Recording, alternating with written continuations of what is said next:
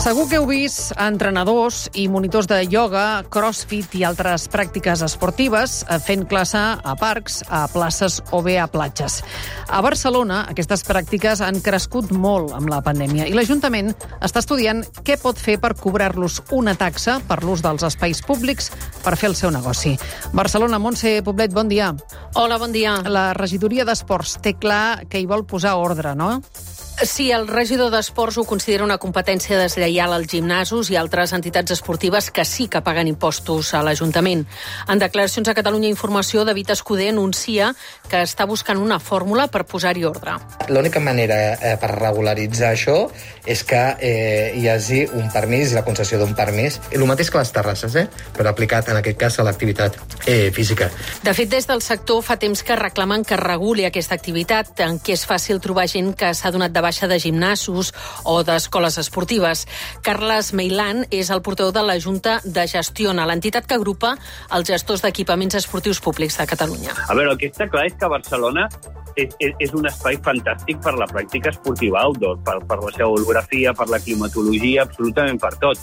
Però, clar, també és una magnífica terrassa d'una cafeteria i, i si al final de la Rambla del Poble Nou algú posa quatre taules i comença a servir entrepans, patates i begudes, segur que no li deixaran, no? Perquè, òbviament, aquesta activitat no està regulada i això passa una mica el mateix, no? Montse, també has parlat amb alguns d'aquests entrenadors i esportistes que estan fent servir platges i parcs per fer les classes. Com ho veuen? Entre els que imparteixen les classes hi ha casos com el de la Sara, que si han de pagar res a l'Ajuntament ja ens diuen que tancaran el negoci. No sé, es como cortar las alas a algo que no que es compartir, no, no yo no estoy montando un business y no estoy lucrando mil euros al mes para hacer esto, ¿sabes? Es, es más un, yo sé hacer algo, me, me gusta y lo comparto, no i no lo hago en, una, en, un, en un gimnasio perquè no, no me sale a cuenta. Però també n'hem trobat que tenen prou ingressos per veure viable el negoci encara que els cobrin taxa d'activitat.